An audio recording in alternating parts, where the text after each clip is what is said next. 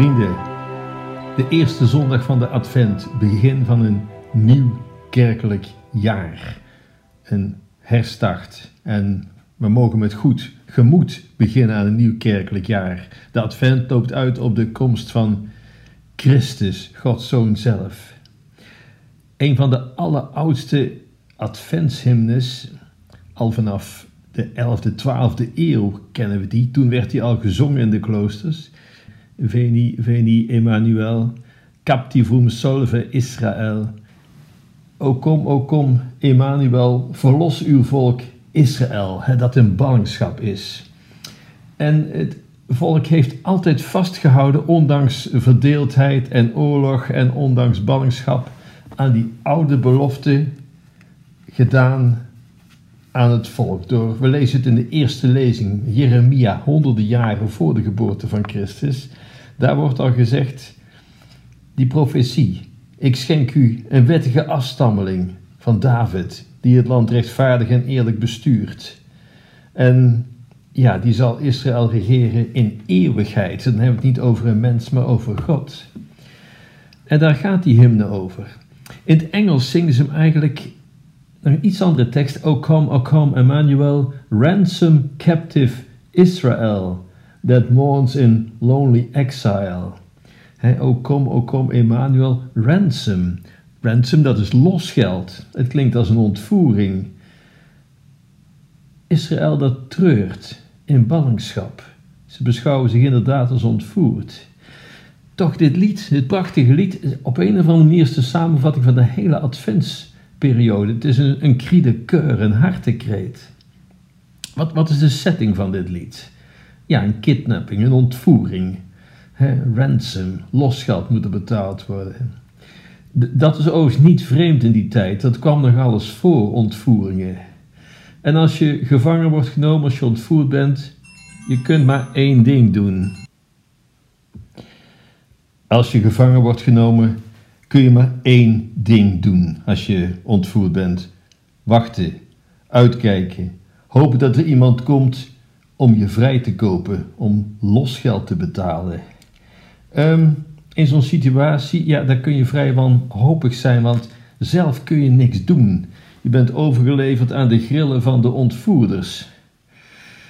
En deze persoon zegt: O kom, o kom, Emmanuel. Emmanuel, dat is God natuurlijk, hè. Hier spreekt iemand die uitziet naar God. Hij zit vast in een vreemd land, omringd door vijandige mensen. O kom, o kom, Emmanuel. Ransom captive Israël. kom, kom, kom God en verlos uw volk Israël. Die oude beloftes, ze hebben er altijd aan vastgehouden. Iemand houdt mij gevangen. En ik ben niet zomaar afgedwaald. Nee, veel erger, gevangen door iets wat ver afstaat van Gods bedoelingen.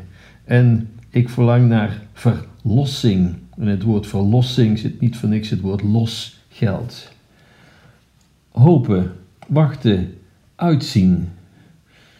De lezingen gaan er ook over. Hè? Uiteindelijk komt het elke keer neer op verlossing, op een verlosser. Redemere in het Latijn, letterlijk terugkopen. En God is degene die ons terugkoopt uit onze gevangenschap.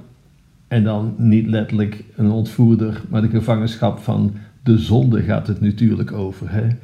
Want daar is een verlosser. Hij verlost ons van het kwaad van de zonde. God kan ons verlossen uit onze gevangenschap. Dat kun je niet zelf. Zoals je ook niet jezelf kunt uh, bevrijden uit, uit een moeras, uit drijfzand. Hoe meer je spartelt, hoe verder je wegzinkt. Je kunt niet als het ware je aan je eigen haren optrekken uit het moeras. Nee, je moet een helpende hand van buitenaf hebben die je aangereikt wordt. Of denk aan een verslaving, of het nou drank is, of porno, of geld, of succes, of wat dan ook. Je hebt het niet in de hand. Dat wil een verslaving zeggen. Het heeft jou in de hand, het heeft jou beet. Denk aan die woorden van Paulus. Hè? Het goede dat ik wil doen, dat doe ik niet. Iets anders heeft mij overgenomen. Ik word gevangen gehouden. Het kwaad. Ja, je hebt verlossing van buitenaf nodig. En Paulus, hij weet het. net zoals, denk aan de anonieme alcoholisten. Wat moet je doen? Twee dingen. Toegeven dat je machteloos bent. Als je daar komt en je zegt, nou, ik heb eigenlijk niet echt een probleem, dan mag je gelijk naar huis gaan. Nee, geef toe dat je machteloos bent. Dat is het begin van de redding. En dan die hulp aanvaarden van buitenaf. We staan ver af van God. Zelfs het goede wat we doen, het is aangetast door trots of wat dan ook. We worden gevangen gehouden. En wat dus te doen? Gods hulp inroepen. Dat doet dat lied. We zijn verloren, we kunnen niet onszelf redden, maar wat Jezus biedt is zijn liefde, zijn leven, zijn genade. Hoewel wij geen geld hebben om de losprijs te betalen, het wordt ons geschonken. Dat is wat genade betekent, hè? om niet gratis. Advent, uitzien naar de Messias, de Verlosser, dat is de uitdaging van de Advent. Beseffen dat we een Verlosser nodig hebben. Het gevaar is altijd geweest dat we van Jezus iets, iets, ja, iets, eh, iets aangenaams maken, iets, iets huiselijks, dat we het ons eigen maken. Of dat we zien als een leraar of, of een spiritueel leider of een guru of een wijze filosoof. Dat is het niet. Dat doen we geen recht aan de Bijbel. Het Evangelie presenteert hem als iets heel anders, als een verlosser. Is Jezus een leraar? Zeker. En is hij een wijs filosoof? Kan niet wijzer. Maar daar gaat het niet om. Is God zelf die naar ons komt, die verlosser. Jezus heeft iets gedaan wat wij niet uit onszelf hadden kunnen bewerkstelligen. Essentieel is natuurlijk wel het besef dat je een verlosser nodig hebt. Als je denkt, nou dat kan ik zelf wel, daar gaat het mis. Ik weet dat onze tijd staat natuurlijk haaks op deze gedachte. Onze tijd van zelfredzaamheid en van zelfachting. Van we zijn allemaal oké en wie ben jij om mij te vertellen wat ik moet doen? Of Yes we can van Obama, je kunt het. Dit soort teksten zijn geheel vreemd aan de Bijbel. We hebben onszelf in een totaal onmogelijke situatie gemanoeuvreerd door de zonde. Het heeft ons aangetast, het verstand, de wil enzovoorts. We zijn geschapen uit liefde voor het geluk, maar wat, wat maken we ervan? Wat doen we dan ook om ons goed te praten? We zoeken zondebokken. Het ligt nooit aan ons. Hè? Denk aan de slachtoffercultuur van onze tijd. Um, heel katholiek is het mea culpa, mea culpa. Maar in onze cultuur is het tua culpa. We wijzen heel graag met de vinger naar een ander. Als je twijfelt, kijk naar het nieuws van elke dag. Die, visie van de Bijbel, is dat een pessimistische visie? We kunnen onszelf niet redden.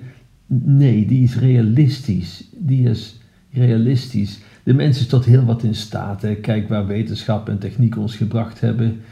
Maar de vraag, zijn we er moreel op vooruit gegaan? Waarom lukt dat maar niet? We hebben een verlosser nodig.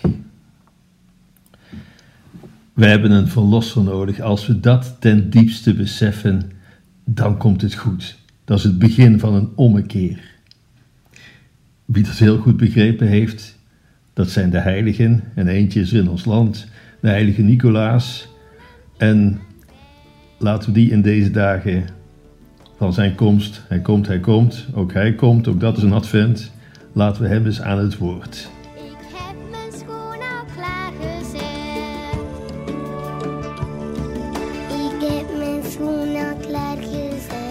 U begrijpt dat deze dagen heel wat drukte brengt voor mij. Niet dat ik begin te klagen, zeker niet, het hoort erbij. Maar wat soms begint te dagen, nee, dat maakt me niet zo blij. Want ik moet nu constateren dat er iets verloren gaat, sinds we moeten concurreren met een vreemde onverlaat, die met kerstmis komt bivakeren en zijn eigen wegen gaat. Het is alsof de maand te kort is voor twee feesten op een rij. Vinden winkeliers het lastig? Weg met de rijmelarij? Word ik hen soms te machtig? Kiest de wereld soms partij? Eeuwenlang gingen Sint en kerstkind samen, concurrent in geen geval. Wie tikt daar tegen de ramen, zie de ster boven de stal. En op kerstmis zingt men amen, dat was jaren het geval. Maar ze hebben iets gevonden dat ten koste gaat van de Sint van mij. En dat is haast een nieuwe zonde. En het ergste is daarbij dat het kerstkind lijdt daaronder met de schaapjes in de wei. Het is die kerstman, die kerstman, die vreemdeling die zijn intrede deed, laat ik u weten. Sinterklaas werd in Amerika aangepast. Santa Claus, zo moest ik heten. En mijn mijter werd een muts met kwast. En mijn staf kon ik vergeten, die bleef ergens in de kast. Maar ook aan de kerstgedachte werd gerommeld en heel stug. Zou je nog een ster verwachten, komt het kindje ooit terug? Liggen herders nog bij nachten, dat is allang achter de rug. Maar u hoeft niet bang te wezen, want de Sint die gaat ervoor. Eerder is het reeds bewezen, die Santa Claus, die gekke kerstman, die gaat er vandoor. Dat staat in mijn boek te lezen. Heel zijn business gaat teloor. Hoe kan ik dat zeker weten? vraagt u zich nu misschien. Luister maar naar de profeten, want zij hebben het gezien. Ieder krijgt ze uitgemeten die niet past in Gods stramien. Jezus heeft het woord genomen, tekenen aan zon en maan, en de mensenzoon zal komen. Iedereen zal het verstaan. God de Heer, hij zal niet schromen, het oude heeft afgedaan. Laat de liefde niet verslijten door de rijkdom, door het geld. Jezus, hij wil voor ons pleiten, vrede is wat hij meldt. Dan zal God je niets verwijten als je alles hebt verteld. Nu de advent is begonnen, hoor je eerst over het eind. Leef niet al te onbezonnen, dat de vrede niet verkwijnt. Dan pas heeft de Heer gewonnen, als gerechtigheid verschijnt. U begrijpt wat ik vertelde van de kerstman, dat is waar. Maar waarom ik dit vermelde, is vanwege het gevaar. Men maakt alles nu te gelden, daarop slaat mijn commentaar. Deze wereld zal verdwijnen, God trekt aan het langste eind, al gaat het gepaard met pijnen, wordt het leven ondermijnd. God zal kiezen voor de kleinen als de mensenzoon verschijnt.